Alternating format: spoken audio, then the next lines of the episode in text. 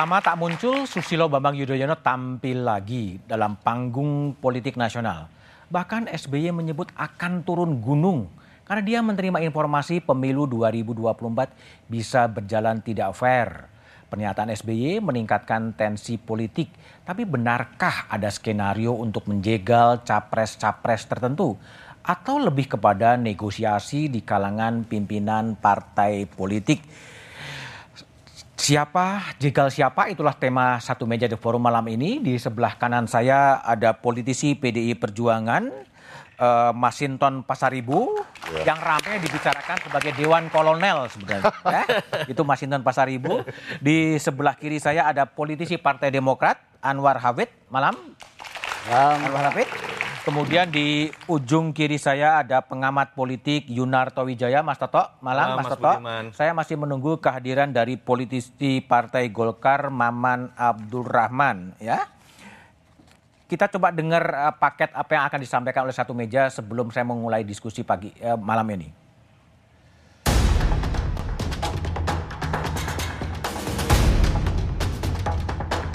Rangkaian pemilu 2024 telah dimulai sejak Juni tahun ini. Puluhan partai politik sudah mendaftar ke Komisi Pemilihan Umum. Pertemuan elit politik antar parpol pun kerap dijajaki demi terjalinnya koalisi menuju perhelatan pemilu 2024 nanti.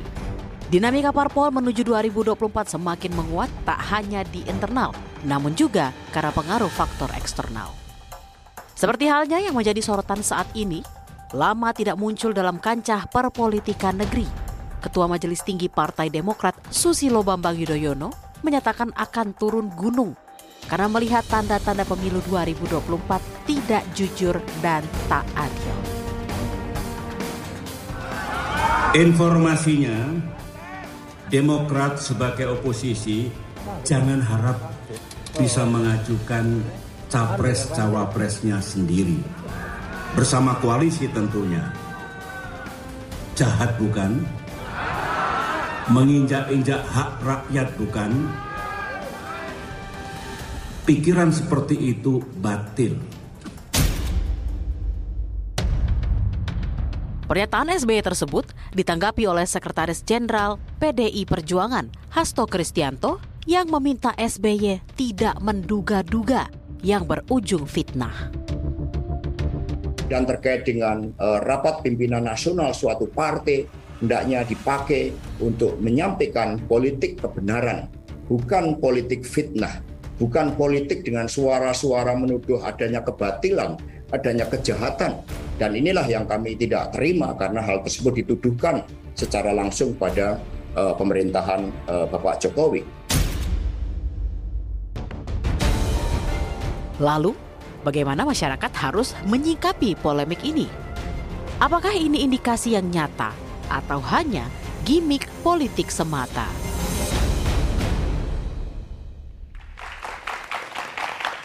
Oke, Pak Anwar Hafid, jahat bukan, batil bukan, yang jahat siapa sih? Dari pernyataan Pak SBY tadi. Ya, terima kasih. Uh, yang pertama saya ingin memulai bahwa pandangan umum kita semua melihat bahwa partai politik itu adalah sebuah secara kelembagaan yang jahat partai politik? Saya saya ingin bicara dulu. Saya bicara dulu sebentar pengantar saya. Uh, sehingga kita sampai pada kata itu. Karena kalau saya langsung jawab atau tidak, kalau menjawab bahwa yang jahat itu adalah kalau sampai terjadi apa yang disampaikan okay. oleh Pak SBY Oke. Okay. Kalau itu terjadi itu batil, itu ah, jahat. Oke. Okay. Nah, tapi saya ingin mengatakan bahwa apa yang disampaikan oleh Pak SBY itu sesungguhnya bahwa berangkat dari pandangan kita semua bahwa partai politik itu secara kelembagaan sesungguhnya memiliki fungsi sebagai penyampai aspirasi masyarakat, penyampai aspirasi publik yang sah dan legal. Oke. Okay. Nah, oleh karena itu sebagai sebagai uh, lembaga yang memiliki kewenangan untuk menyampaikan aspirasi publik itu, maka berangkat dari pandangan itu kalau kita melihat lantas di mana kira-kira salahnya yang okay. disampaikan oleh Pak SBY itu ada informasi ya, ada informasi bahwa pemilu 2004 ini tidak fair dan tidak jujur. Itu dari mana pemilunya belum berjalan tapi sudah sampai pada kesimpulan itu? Jadi eh, yang disampaikan oleh Pak SBY sungguh adalah sebuah pesan moral. Oh pesan moral. Pesan moral dari seorang ba- ba- bapak bangsa yang mengharapkan bahwa kualitas pemilu kita dari tahun ke tahun itu semakin berkualitas. Oke. Nah, maka pesan moral ini disampaikan kepada seluruh kader Partai Demokrat dalam rapat internal Partai Demokrat sesungguhnya. Tapi kok bahasa yang dipilih semacam tudingan ya? Tudingan bahwa mendapat informasi hanya akan apa dua calon, bakal tidak jujur, bakal tidak fair. Ini informasi dari mana sebetulnya? Iya, jadi kan Pak SBY itu kan seorang mantan presiden ya.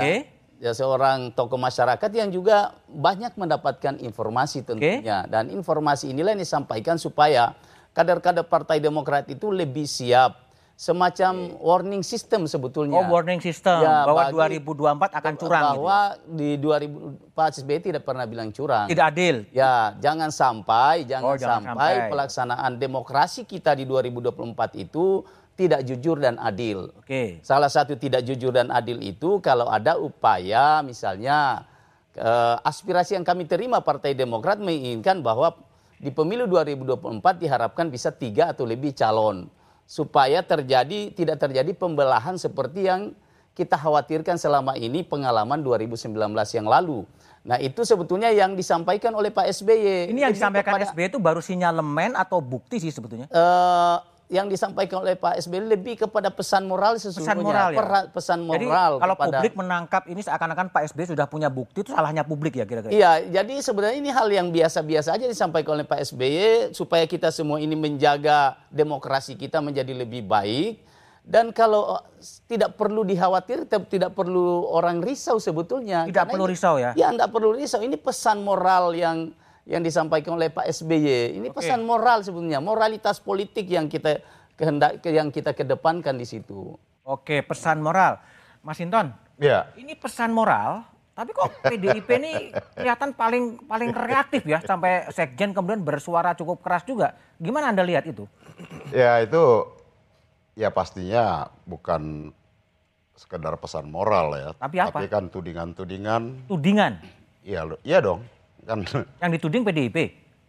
saya nggak tahu mereka-mereka kan ada kalimat mereka-mereka kalau kita amatin tadi kan Ah. kalimat mereka-mereka itu kan jamak. Hmm. Mereka-mereka itu berarti kan lebih Oke. dari satu. Ah, Bisa dua, tiga, empat, lima. oke. Eh, banyak. Artinya tudingan itu eh, bisa kepada siapa pun. Hmm. Artinya gitu, eh, eh, Bang Budiman. Kemudian, menurut saya ini sesuatu yang disampaikan sangat melankolis gitu ya. Diksi-diksi seperti itu yang Oke. disampaikan. Bahwa ada keprihatinan ya. Eh, tapi saya eh, berpandangan bahwa ya menyayangkan aja. Menyayangkan. Tapi gini lah, coba kita dengar lagi ya. Sebetulnya pesan Pak SBY ini apa sih? Kok banyak orang menafsirkannya bisa berbeda-beda. Mungkin bisa diputar kembali. Apa sebenarnya pesan yang disampaikan oleh Pak SBY? Mengapa saya harus turun gunung menghadapi pemilihan umum 2024 mendatang? Saya mendengar, mengetahui bahwa ada tanda-tanda pemilu 2024 bisa tidak jujur dan tidak adil.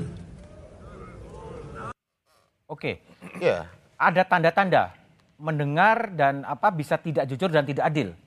ya tanda-tandanya ya apa? Gitu loh. Oke, Toh baik. umpama begini nih. Pernyataan diksi turun gunung ini kan pernyataan yang eh, sering disampaikan oleh Pak SBY ya, ke- bahkan ketika beliau masih presiden pada saat itu. Nah, kemudian ini disampaikan kembali. Nah, kalau kita lihat dalam sistem perundang-undangan kita, ya, semuanya itu kan eh, apa diatur dalam mekanisme undang-undang. Parliamentary threshold, eh, pre- eh, parliamentary threshold dan presidential threshold itu, ya, presiden, khususnya presidential threshold adalah eh, apa diatur pada masa Pak SBY juga, Undang-Undang 42 tahun 2008. Oke, Nah, di mana itu syaratnya adalah 20% kursi DPR atau 25% perolehan suara secara nasional. Artinya bahwa kemudian itu melahirkan berapa calon ya, itu kan tergantung dari negosiasi. kesepakatan antar partai politik. Oke, baik, baik. Artinya ruangnya bukan hanya dua, bisa tiga, Bisa bisa, empat. empat. Oke. Nah kalau kemudian ternyata dalam realitas eh, politiknya ternyata cuma dua, toh kita pernah dua kok. Dua juga ya. Oke, baik, Begitu. baik. Saya, saya kembali konfirmasi ke Pak Anwar dulu ya. Tadi kan ada data, ada tanda-tanda.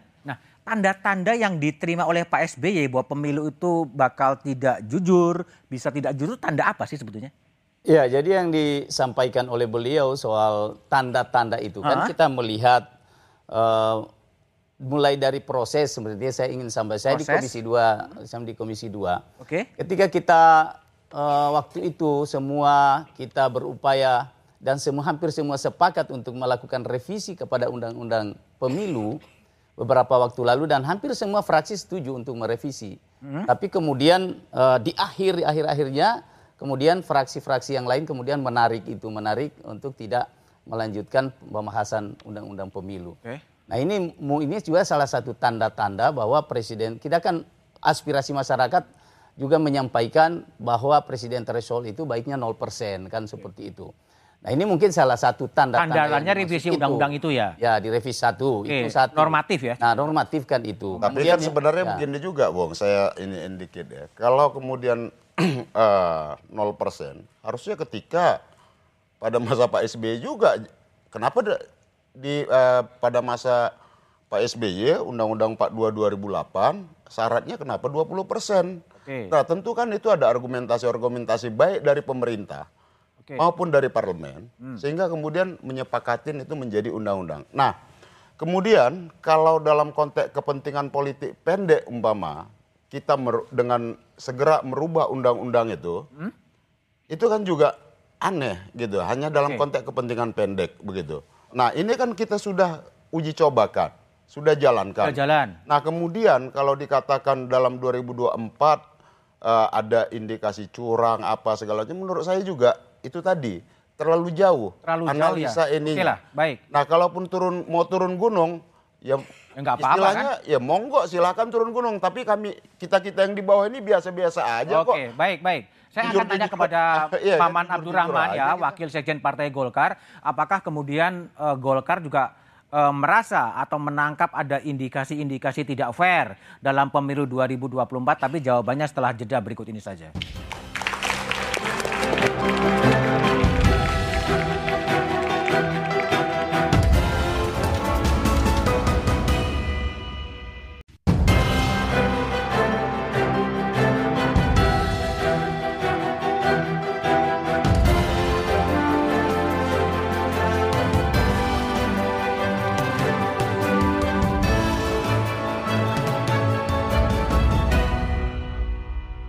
Kembali ke politisi Partai Golkar, Maman Abdurrahman. Maman, apakah sama pandangan Partai Golkar 2024 ada tidak fair dan tidak jujur? Anda punya sinyalemen yang sama juga? ya, saya sebelum menjawab pertanyaan Mas, saya mau bilang dulu kalau saya ini ngelihatnya ini kayak nonton serial Tom and Jerry, Mas. Tom and Jerry ya? Iya, jadi ya Jadi gimana tuh? seru aja. Jadi kan gini-gini. Ya bagus untuk pemanasan menuju 2024. Bagus ya, oke. sebetulnya. Jadi ya kita terhibur dan saya juga nggak mau terlalu membawa ini menjadi sesuatu Yang yang, serius banget. terlalu serius ataupun juga terlalu mengambil wah positioning ya seperti kayak kita nonton film Tom and Jerry ini Tom kan begini. Jerry. Panggung depan ya? Ya, ini kan masing-masing saling merah. Jadi ada yang lucu. Dulu kan posisinya beliau di posisinya Demokrat sekarang. Ah. Sekarang eh, posisi Demokrat kan sekarang di posisinya PDIP sekarang. Eh, tadi se- sederhana saya mau bilang ya jadi kayak Panggung sandiwara. bukan Pak kalau panggung sandiwara saya sih pikir ini murni memang sebuah dinamika politik yang saya pikir sah-sah saja dan wajar-wajar saja terjadi menjelang menuju Oke. 2024. Artinya begini, dalam konteks politik saya melihat apa yang dilakukan oleh Pak SBY ya adalah bagian dari sebuah langkah dan manuver politik beliau Oke. menuju 2024 Hmm. narasi ataupun diksi segala macamnya kebetulan hari ini beliau memilih untuk membangun diksi dan narasi dalam konteks tadi bahwa uh, saya menganggap sebetulnya inti yang disampaikan oleh beliau ini kan begini. Kalau nanti Pilpres 2024 ada dua pasang, Oke. berarti itu curang. Kurang. Oh. Tapi kalau tiga pasang atau empat pasang tidak ada potensi yang aneh-aneh. Oke. Itulah kurang lebih. Sorry saya saya evaluasi bukan curang tapi tidak kan beliau kan menggunakan narasi tidak, adil, adil, tidak tidak adil. fair. Sorry ya saya saya saya saya review. Artinya begini, beliau mau ngasih message, pokoknya nanti ke depan kalau cuma dua pasang, nah itu ada potensi nggak fair tuh, ada potensi nggak adil. Oke. Tapi kalau tiga pasang atau empat pasang, ya itu fair. Begitulah kurang lebih kan Hmm. Oke. pesan yang mau disampaikan oleh beliau begini. Oke. Nah, saya masuk dalam konteks aturan, Mas. Aturan yang men- yang yang kita pedomani. Mau satu pasang, Dua atau pasang. dua pasang, tiga pasang, Empat empat, pasang. pasang. saya pikir nggak ada yang haram. Kalau memenuhi aturan ya. Iya dong. Contoh misalnya saya, PDIP, eh, Golkar bersama dengan PDIP atau tidak menutup kemungkinan Dengan Demokrat juga. gabung sama Demokrat kita bersepakat satu pasang, Nah. salahnya di mana? Tidak adilnya di mana? nggak ada. Jadi terus misalnya saya bersama-sama dengan PKS atau kita ya partai Oh, semua partai bergabung semua jadi satu lah ya? bersepakat Ah. untuk mendorong dua pasang. Hmm. Salahnya juga di mana? Oke. Sama halnya juga pada saat nanti kami Golkar berkoalisi Oke. bersama-sama dengan KIB bersepakat untuk yuk kita dorong ada tiga pasang atau empat pasang. Ini kan semua bagian dari strategi politik partai masing-masing. Oke. Nah, Ya. artinya kalau dilihat tadi dari apa yang disampaikan oleh Pak SBY, saya melihat ya ini adalah bagian Sah dari juga, kan? sebuah proses dinamika politik yang harus kita sikapi secara wise dan secara Oke. ini aja. Ya, kalau tadi ditanya saya setuju ataupun tidak, saya ingin mengatakan tadi bahwa mau satu pasang, dua pasang, tiga pasang atau empat pasang bukan sesuatu yang haram. Oke, baik. Yunarto Wijaya. Iya. Toto, jadi kalau Toto lihat SBY sampai menekankan dua pasang calon itu bisa tidak fair dan tidak adil. Apa yang Anda baca sih dari pernyataan Pak SBY itu? Ya, ini kalau dalam ilmu ekonomi ada spekulasi atau hipotesa tentang siklus resesi 10 tahunan yang sampai sekarang masih jadi perdebatan. Ternyata yang eh, sudah bisa dipastikan ada siklus SBY 10 tahunan. Siklus SBY 10 tahunan. tahunan. Gimana tuh? Jadi isu mengenai kecurangan sekarang dengan istilah indikasi tidak jujur atau tidak adil Ah. itu 2014 ramai diperbincangkan Oh. oleh SBY Oleh- juga. Perbedaannya dulu beliau merasa menjadi tertuduh, Hmm? sekarang beliau yang tanda kutip memberikan tuduhan. Entah kepada siapa kita masih siapa? berdiskusi mengenai hal ini. Dan eh, kritik saya pertama kepada SBY adalah kritiknya sendiri sudah dijawab oleh dirinya sendiri di tahun 2014. Hmm. Ketika dalam pidato di tanggal 1 April dan tanggal 5 Juli 2014, dua kali beliau mengatakan bahwa politisi yang menggunakan yang menuduh kecurangan itu-itu saja. Dan jawabannya sudah diberikan sendiri oleh SBY bahwa dalam sistem yang ada sekarang ketika Bawaslu dan KPU sudah independen, bagaimana mungkin terjadi kecurangan? Ada banyak partai di situ kecuali hanya ada satu partai dan penguasa begitu kan. Jadi sebetulnya apa yang dituduhkan oleh SBY sudah dijawab sendiri olehnya. Nah, kalau kita kemudian mau tahu lebih spesifik kecurangan seperti apa, katakanlah kita menggunakan eh, kalimat yang digunakan oleh SBY. Mengkerucut hanya pada kalimat mengenai apabila ada dua calon pasang. atau dua pasang saja begitu ya. Eh, ini juga menurut saya agak membingungkan. Tadi eh, Bang Masinton sudah sedikit menjelaskan undang-undang mengenai presidensial threshold yang sekarang juga banyak dikritik, saya pun ikut mengkritik, lahir tahun 2008. Hmm. Pada era Tetapi Pak SBY juga. ketika ya saat itu ketika dia sangat kuat, ketika tidak lagi menjadi partai penguasa dan kuat dan kebetulan anaknya katanya ingin maju, lalu kemudian tiba-tiba berbicara mengenai ketidakadilan 20% dan ingin menjadi 0%. Kritik saya kan adalah beliau sedang berbicara mengenai negara atau berbicara mengenai kepentingan anaknya saja. Itu yang perlu jadi catatan. Yang kedua, kritiknya juga sudah dijawab oleh apa yang dimiliki oleh eh, dirinya sendiri. Dia adalah ketua majelis tinggi partai, anaknya adalah ketua umum partai yang punya hak sama bukan dengan Bang Masinton loh. Dengan Ibu Mega, dengan Erlangga Hartarto. Untuk kemudian kita tahu keputusan ada di tangan mereka-mereka ini. Jadi bagaimana kemudian mengkritik dirinya sendiri seakan-akan tidak berdaya untuk menghadapi lobby politik untuk menentukan berapa pasang. Oke, oke. Yang ketiga, secara alamiah kalau kita lihat kan fakta politik. Bagaimana mungkin ada tuduhan bahwa rezim ini, menurut saya ya, melakukan kecurangan menentukan pasangan calon ketika kita tahu Jokowi sendiri dalam rumor politik di partainya sendiri hanya petugas partai.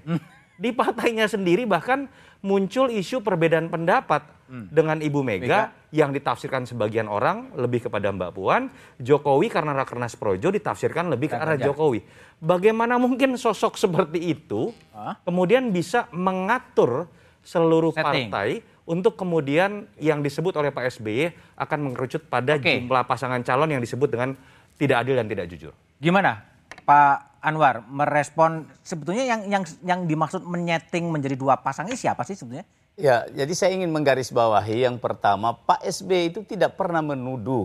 Oh, ini enggak. informasi, informasi saja yang masuk bahwa akan ada begini. Nanti ini beliau kan mengatakan di situ tidak menyebut bahwa harus eh, tidak setuju dua calon.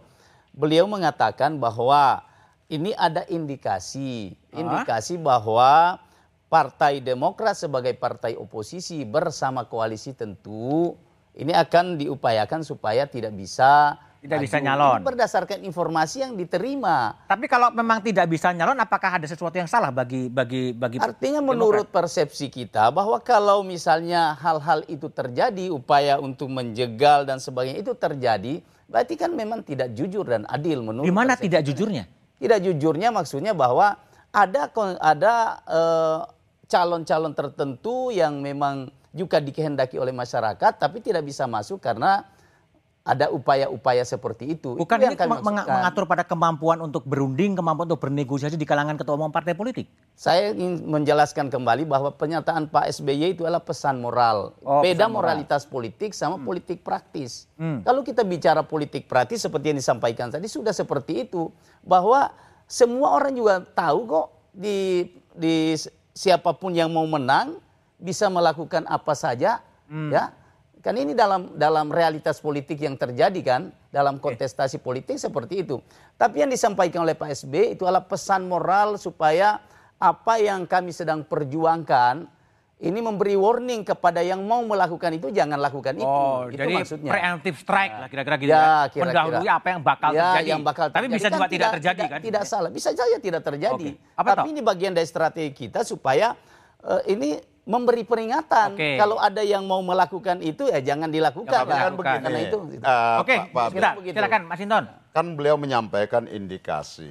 Indikasi itu kan pasti ya indikatornya apa? Menuju tidak fair, tidak adil gitu ya. Kemudian dua pasang calon apa segala macam. Nah, menurut saya sih eh, alasan tentang pesan moral jauh menurut saya. Lebih Bagi pada Anda apa sih? Ya itu lebih pada tudingan secara politis. Kepada Ya nggak tahu kita kepada Oh. siapa ditu- ditudingkan itu karena mereka mereka mereka mereka ini Tapi kepada Anda siapa? paling paling keras menentang kepada memang PDIP dituju. artinya apa? Secara tersirat ya walaupun ya apa dia tidak eksplisit begitu ya ya berarti kan dituduhkan kepada uh, yang berkuasa kemudian yang ko- dalam koalisi pemerintahan. Yang berkuasa kan banyak, Maman tenang-tenang Iya. aja. Lah iya, art- artinya kan dengan kata mereka-mereka itu, Oke. ya kan tergantung. Golkar juga bereaksi kok, Oke. PDI Perjuangan juga bereaksi, yang lain juga bereaksi. Nah kita semua, menurut saya punya kewajiban menjaga proses demokrasi ini melalui Oke. pemilu berlangsung secara adil dan fair, Oh. jujur dan terbuka. Itu ditunjukkan dengan Ya tuh apa? dengan ditunjukkan dengan jumlah calon tadi. Ya tentu, ya alat ukur bahwa calonnya berapa, kan ketentuan undang-undangnya sudah jelas. Oke. 20% kursi di parlemen, 25% suara nasional. Tinggal kan kemampuan dari masing-masing partai politik untuk saling meyakinkan ya bahwa eh, yang diusungnya memang bisa layak Tapi untuk kalau PDIP diusung. setting berapa sih? Apa? Calonnya berapa calon sih? Siapa? PDI Perjuangan. Ya kita nggak tahu, ini kan masih berproses. Kan Oke. masing-masing partai politik eh, punya keinginan masing-masing, menawarkan calon masing-masing. Kan di situ tingkat eh, apa ke- kemampuan masing-masing partai politik untuk melakukan proses eh, pendekatan-pendekatan dan kemudian komunikasi politik untuk melakukan proses kerjasama. Oke, kerjasama. Oke, Bung Maman. Jadi kalau dari Partai Golkar sebenarnya inklinasinya mau ke mana sih? Apakah menjadi dua pasang, menjadi tiga pasang, atau menjadi empat pasang? Tapi jawabannya setelah jeda berikut ini.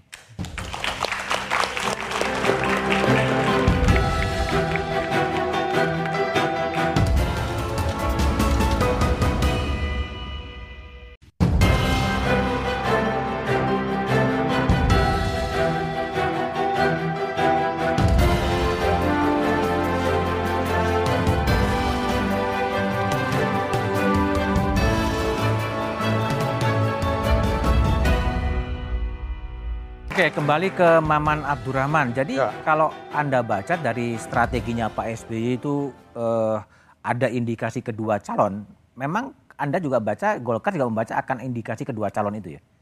Eh, mas, kalau tanya ke saya, saya malah pengen satu pasang aja, Mas. Satu pasang? Iya, Pak Erlangga Hartarto. Kampanye jadinya. Loh iya enggak. Ya jauh lebih mudah. Oke. Simple, tidak ngabisin anggaran, nggak ada ribut-ribut. Hah? Satu pasang jauh lebih bagus. Ah. Daripada Syaratnya dua pasang. cukup. Golkar nggak cukup ya. tadi. Kalau kan ditanya maunya partai. Artinya poinnya yang saya mau bilang bahwa setiap partai dia pasti punya preferensi politik Diri subjektifnya masing-masing. Jadi apa yang terjadi bahwa ada partai A, partai B, kelompok A, kelompok C menginginkan dua pasang, tiga pasang, empat pasang atau satu pasang itu adalah bagian dari sebuah dinamika dikarenakan ada preferensi politik kita masing-masing. Ya saya makanya eh, me- ya ini tadi eh, cuman ya ini kan hak teman-teman PDIP dan juga hak teman-teman Demokrat. Demokrat juga untuk menyikapinya. Kalau yang disikapi oleh beberapa teman-teman Golkar kan dalam konteks penyelenggaraan eh, pemilu, Pilpres. pemilu, pilpres. Oke. Artinya jangan sampai terkesannya bahwa belum apa-apa sudah dituding bahwa penyelenggara pemilu berpotensi Tidak untuk gitu. melakukan ketidakadilan dan lain sebagainya. Oke. Itu yang mungkin disikapi oleh beberapa teman-teman Golkar kan sebetulnya di situ. Tapi kalau saya masuk dalam konteks ranah politik praktis, saya harus mengatakan bahwa setiap partai pasti dia punya preferensi dia mau membuat satu pasang, dua pasang atau tiga pasang. Kita no hard feeling aja, tinggal sekarang kepiawaian komunikasi-komunikasi politik Oke. kita masing-masing. Baik, kepiawaian komunikasi Nah, politik. Apalagi Alhamdulillah. pengen satu pasang, Pak. Iya. Golkar kan nggak cukup syarat. Nah, terus harus gabung PDIP Ikut gitu. PDI aja. Oke. Ya, Oke, Bung Anwar. hari ini Bung Anwar Hafid. Ini kalau dalam bacaan Pak SBY tadi, kelihatannya Pak SBY khawatir kalau memang capres dan cawapres itu hanya dua pasang. Kenapa dia harus khawatir? Sebenarnya tidak ada kekhawatiran seperti nggak khawatir? itu. Tidak ada. Pak SBY itu karena aspirasi yang diterima baik dari kader maupun juga dari teman-temannya beliau, dari eh, dari masyarakat itu menghendaki bahwa Indonesia ini punya banyak calon pemimpin. Oke. Nah, kalau melihat eh, kont- apa melihat apa yang eh, konstitusi kita soal 20% itu sebenarnya kan kalau kita lihat sekarang peta yang ada itu kan bisa sampai empat pasang. Ah. Nah, kami Demokrat selalu berpikir bahwa semakin banyak calon itu semakin baik Makin baik. supaya masyarakat itu punya banyak pilihan. Jangan itu-itu, jangan cuma misalnya dua akhirnya ya Oke. pikirannya. Jadi Demokrat itu selalu berpikir bahwa semakin banyak calon, rakyat semakin banyak pilihan.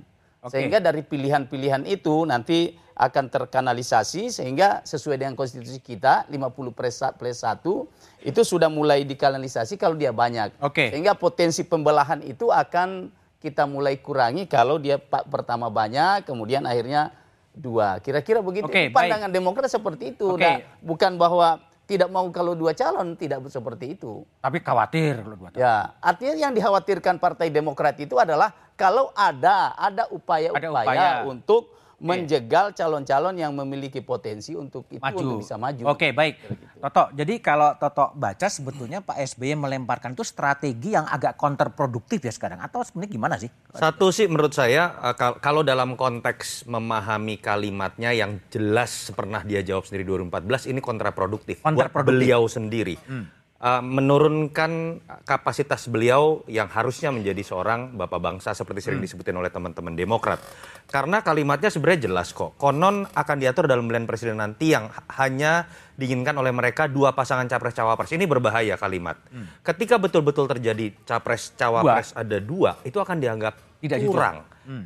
Yang kedua, saya menurut saya ini jadi beban buat calon partai calon teman koalisinya. Katakanlah di sini kita beli ilustrasi ada Nasdem dengan uh, Demokrat gitu ya. Katakanlah kemudian koalisi ini menjadi uh, apa koalisi kedua. Lawannya ada satu lagi. Artinya kan Pak SBY seperti mengakui sendiri bahwa koalisi mereka juga curang. Itu yang pertama. Yang kedua, jangan-jangan ketika ini berbicara mengenai anaknya dan ketika anaknya kemudian disepakati tidak menjadi calon wakil presiden dari koalisinya, jangan-jangan itu akhirnya kemudian dituduh juga menjadi bagian dari kecurangan itu.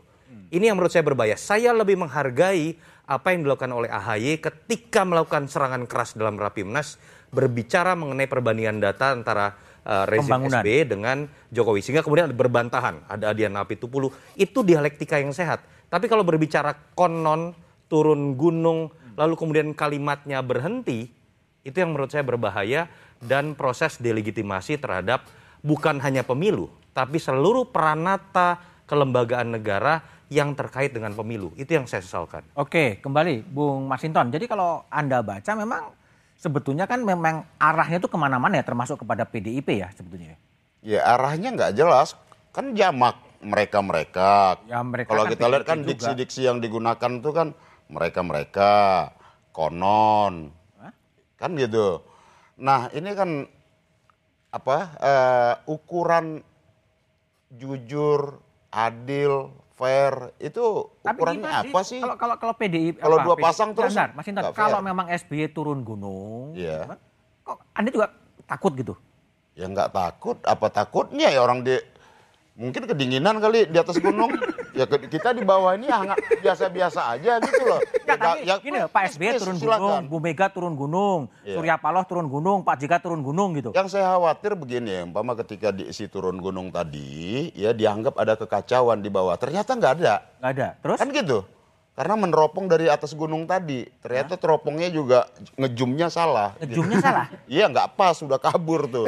Nah, jadi nggak ada apa-apa ternyata kan gitu. Nah, kalau kita katakan umpama tadi Oke, kan baik, ah, re- responden menyatakan mau dua pasang mau berapa, intinya adalah bagaimana sikap kebangsaan kita dalam menghadapi dan melaksanakan proses demokratisasi ini meminimalisir potensi-potensi keterbelahan tadi. Oke, baik, Itu baik. menjadi tugas Saya, saya kembali, saya akan berikan pada Pak. Anwar. Pak Anwar, sebetulnya Pak Anwar kan datang kan ketika Pak SBY memberikan apa, memberikan apa ya, itu penjelasan kepada kader-kader Demokrat.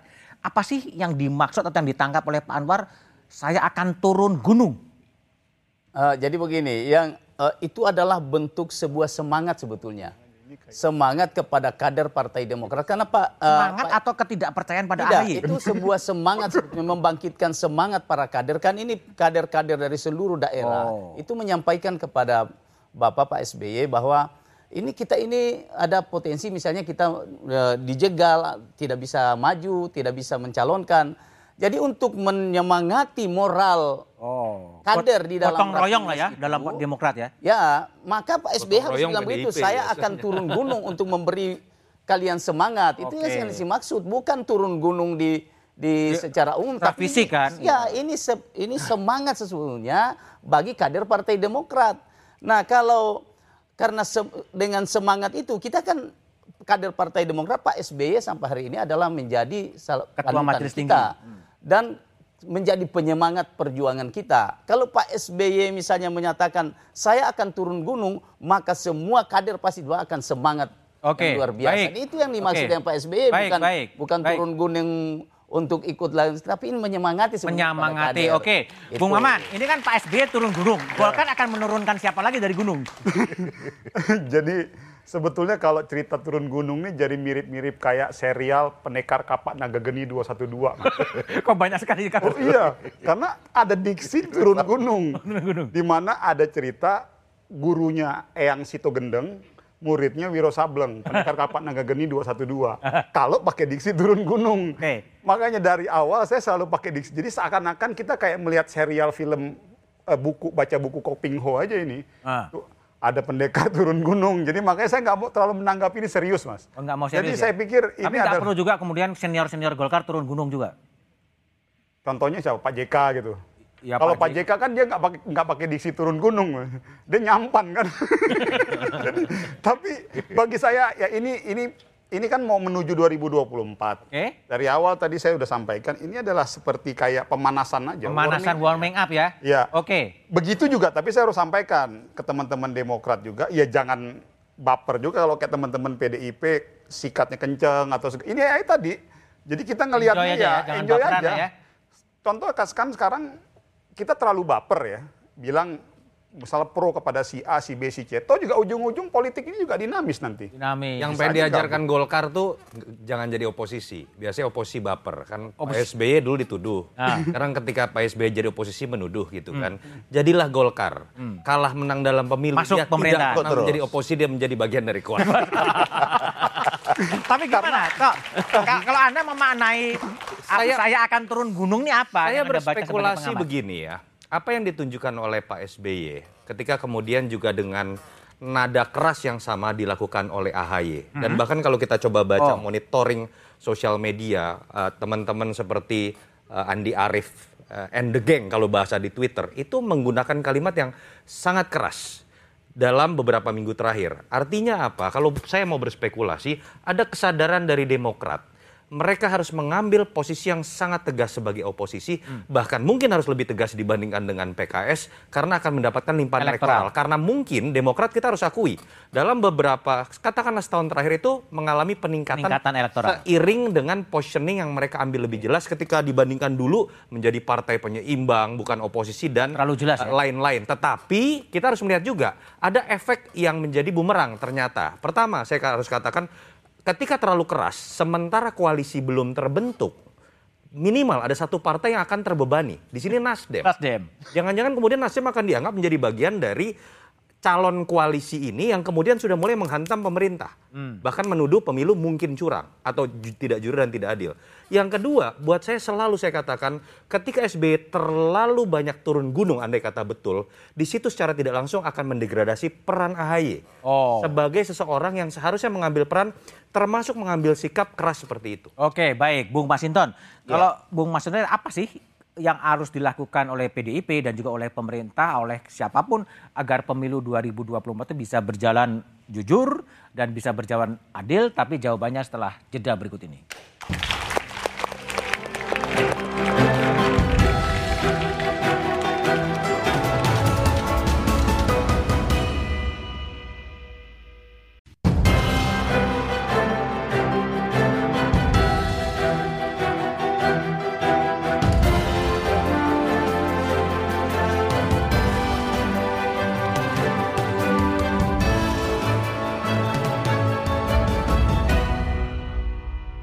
Bung Masinton Pasaribu, publik berharap memang pemilu itu jujur dan adil. Apa yang harus dikerjakan oleh dan akan dilakukan oleh PDI Perjuangan untuk menjamin pemilu yang memang jujur dan kemudian adil? Iya, kita semua pasti berkepentingan ya agar carut marut eh, pemilu yang pernah kita apa laksanakan seperti tahun 2009, carut marut DPT, kertas suara yang tertukar begitu ya dan lain-lain seperti itu, itu tidak terulang kembali di dalam masa-masa pemilu. Oke. Nah, kemudian dalam 2024 ini kita semua harus punya komitmen yang sama. Baik itu partai politik, kemudian penyelenggara pemilu, pengawas pemilu, kemudian juga pers tentunya. Nah, dan seluruh kontestan, baik partai politik maupun nanti calon-calon yang akan diusung, tidak lagi menggunakan sentimen Oke. sentimen eh, apa eh, identitas ya sehingga benar-benar ini proses Bisa pelaksanaan demokrasi ini memperkuat ikatan-ikatan kebangsaan kita bukan justru membelah itu. Oke, baik. Bung Anwar Hafid, apa Demokrat sarankan agar memang pemilu itu memang bisa berjalan jujur dan kemudian adil? Ya, yang pertama Demokrat eh, mendorong supaya lebih banyak pasangan calon sehingga rakyat bisa memiliki variasi yang banyak untuk memilih pemimpinnya. Yang kedua, Demokrat mendorong supaya money politik itu harus kita eh, cegah bersama-sama sehingga kualitas pemilu kita akan lebih baik. Kemudian yang ketiga, Demokrat mendorong bahwa politik identitas ini adalah harus kita eh, cegah bersama-sama sehingga eh, persatuan dan kesatuan di tengah-tengah masyarakat terwujud dan demokrasi kita di tengah masyarakat juga berjalan dengan baik dan yang terakhir tentu Demokrat mendorong bahwa politik fitnah dan sebagainya itu harus kita hindarkan. Oke, baik. Bung Maman, harapan Anda sebagai politisi Golkar yang muda? Ya, eh, di balik sebuah proses dinamika yang mungkin akan tinggi dan tensinya akan terus naik, Mas. Saya ada satu hal yang ingin saya tekankan dan yang jauh lebih penting adalah, yuk kita debat adu gagasan aja deh. Adu gagasan. Jadi eh, apa yang tadi terjadi di dalam Rapimnas Golkar, sebet, eh Rapimnas Demokrat. Demokrat. sebetulnya saya lebih melihat kalau Mas AHY saya masih jauh lebih coba melihat mengapresiasi apa yang dilakukan oleh Mas AHY karena perdebatannya adalah program terlepas dari bahwa masing-masing menganggap dia yang lebih baik atau sini yang lebih baik tapi dalam konteks pembelajaran politik kepada publik dan masyarakat itu jauh lebih konstruktif Oke. karena yang kita debatkan adalah program yang sudah kita berikan dan apa yang belum kita berikan Oke. Jadi itu jauh lebih konstruktif buat kebaikan dan buat masyarakat di seluruh Indonesia Oke, baik. Mas Toto, catatan Anda apa supaya pemilu itu bisa lebih lebih produktif lah 2024 Pemilu tidak mudah. 2024 kan pemilih yang didominasi oleh milenial Milenial. bonus demografi 2025-2030 dan kita juga lihat fakta-fakta para bangsawan politik tanda kutip yang pasca reformasi ini menguasai kekuasaan partai-partai ini kan pada usia yang harus melakukan regenerasi. Harusnya momen menuju 2024 itu dimanfaatkan buat politisi-politisi senior ini tanda kutip untuk memberikan ruang gerak lebih. Karena memang setelah 2024 transisi pasti terjadi dengan sendirinya, baik secara biologis atau karena dorongan dari uh, pemilih. Nah, apa yang ditujukan oleh uh, SB kemarin menurut saya mendegradasi. Apa yang harusnya menjadi peran yang lebih besar yang dilakukan oleh AHY. Tapi catatannya bukan hanya kepada SBY. Kita tahu banyak politisi senior di situ ada Ibu Mega, di situ ada Pak JK misalnya. Saya berharap bagaimana mereka tidak menjadi sekedar pemain yang berbicara mengenai ego dalam proses penentuan calon tapi kemudian melupakan aspek-aspek yang dianggap penting oleh para pemilih muda ini demokratisasi baik dalam penentuan calon ataupun cara berkampanye. Itu Termasuk alih regen, alih generasi sebenarnya ya. Oke, baik Mas Toto, Bung Andi, eh, Bung Masinton dan Bung Maman. Alih generasi ini bukan berarti harus alih ke anak ya. Alih generasi yang diinginkan oleh usia lebih muda. Ya. Oke, baik. Pemilu 2024 bukan hanya harus dipastikan sesuai dengan regulasi yang ada, tetapi juga memberikan ruang pilihan yang luas kepada rakyat. Pengalaman pemilu 2019 yang keras dan cenderung brutal harus jadi pelajaran berharga agar itu tak terulang kembali pada pemilu 2024. Suara rakyat harus didengar. Demikian satu meja The Forum malam ini. Sampai jumpa pekan depan. Selamat malam dan terima kasih.